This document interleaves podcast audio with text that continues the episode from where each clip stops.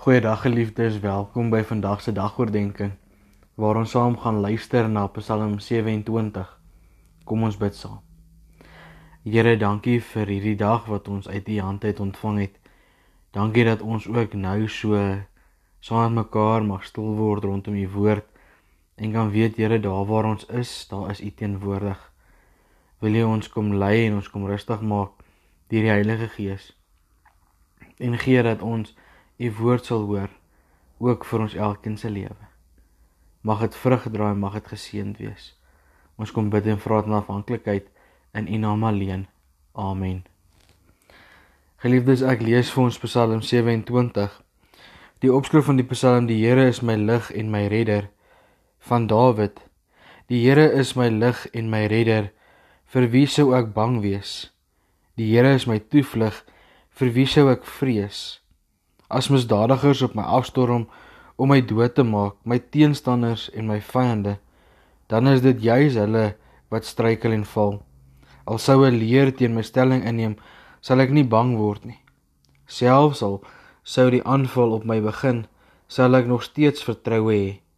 Net een ding het ek van die Here gevra en dit sal ek najag, dat ek my hele lewe lank in sy huis mag woon om sy goedheid te belewe en daarna te dink in sy tempel.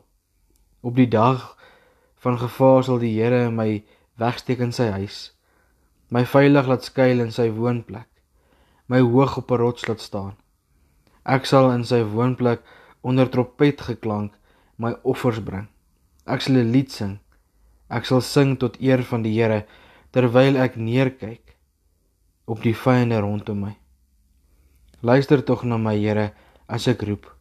Wees my genadig en verhoor my gebed. Ek onthou wat U gesê het. Julle moet my kom dien. Ek is hier om U te dien, Here. Moet U tog nie vir my verberg nie. Moet my tog nie wegstuur terwyl U toornig is nie. Want U was nog altyd my hulp.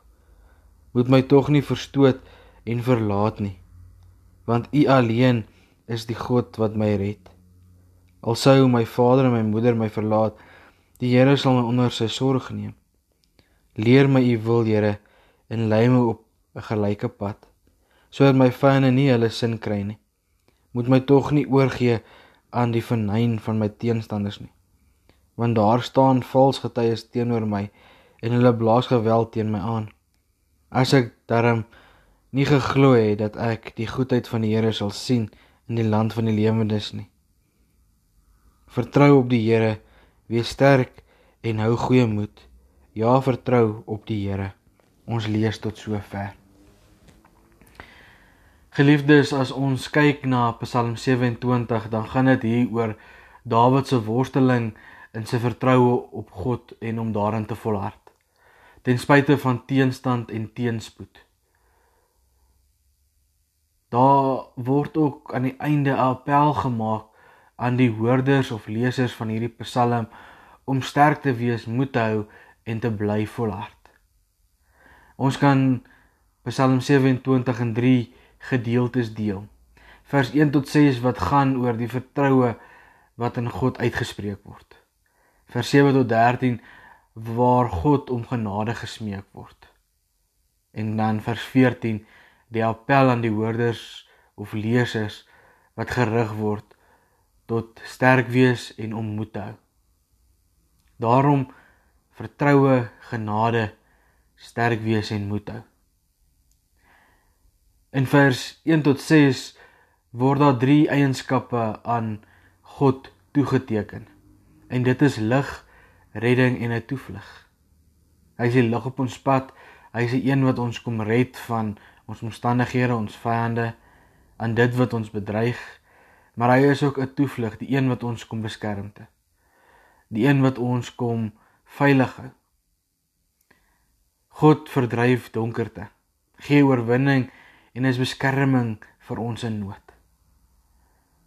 Eienskappe van God het hierdie sekerheid vir Dawid gebring in sy onderskeie oorloë. Maar hy het ook betekenis in enige situasie waar daar teenstand en teenspoed ervaar word. Dit word ook verder aangevul met die eenvoudige behoefte om altyd in God se teenwoordigheid te lewe. Die tempel funksioneer hier as die metafoor daarvoor dat Dawid wil kom rus in God se teenwoordigheid. En dan is dit in sy tempel, in sy huis, in die plek van aanbidding.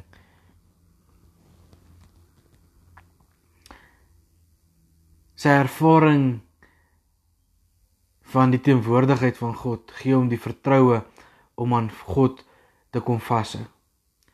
Sodat sy heerlikheid nie net sigbaar sal word nie, maar sy leiding Dawid se lewenspad kan verlig. As ons kyk na vers 7 tot 13, dan word die eienskappe van God gevorm wat nou die basis vorm van Dawid se gebed ook. Lof wat lei tot smeking. Die verhoring van sy gebed word nie as vanselfsprekend gesien nie. Maar Dawid weet dat dit alleen geskied vanuit die genade wat God gee. Al gee vorige gebedsverhorings Dawid wel die vrymoedigheid om met oorgawe en verwagting te kan vra. Natuurlik het Dawid God al van tevore beleef en ervaar as getrou in sy gebedsverhoring en daarom het hy die vrymoedigheid om te bid. Maar dan moet ons onthou dit gebeur vanuit genade. Dawid kom ook nie net vir hulp vra nie. Hy wil ook vra dat sy vyande nie hulle sin sal kry nie. En dat God se goedheid in die land van die lewendes ervaar sal word. So nie net om te vra dat God hom sal help nie, maar ook om nie sy vyande se sin te gee nie en om God se God se goedheid in die land van die lewendes te laat ervaar. Hulp vyande en God se goedheid. As ons kyk na vers 14 ons laaste vers, dan is dit 'n oproep tot vertroue om sterk te wees en goeie moed te behou in 'n belangrike deel van 'n mens se geestelike lewe. Dit is die hand waarmee God se genade en uitkoms in ons lewe na vore kom en die manier hoe ons dit ook ontvang. Dit is die Here op wie ons vertrou wat vir ons nuwe krag gee en waar ons die nuwe krag kry. Vertroue is die voorbereiding om die genade wat God gee te kan erken en te kan ontvang. Die beginpunt van dit alles lê in vertroue. Maar dan moet ons weer eens onsself kom herinner dat die mens dit kry vanuit God se genade alleen. Sonder God se genade sal hierdie voor uh, voorbereiding van God se genade wat ons wil ontvang nie erken of ontvang word nie. Want ons het vertroue nodig. Daarom gaan dit nie oor onsself nie, maar weens ons afhanklikheid van God. Dat ons sal volhard in ons vertroue in hom. Dat ons sal weet dat God se genade elke keer opnuut aan ons kom bewys. En dan die appel, die appel wat tot elkeen van ons spreek om te sê wees sterk en hou goeie moed. Geliefdes, mag ons by Psalm 27 aansluit om te sê ons vertrou God want ons is sterk en ons is volmoed. Amen. Kom ons bid saam.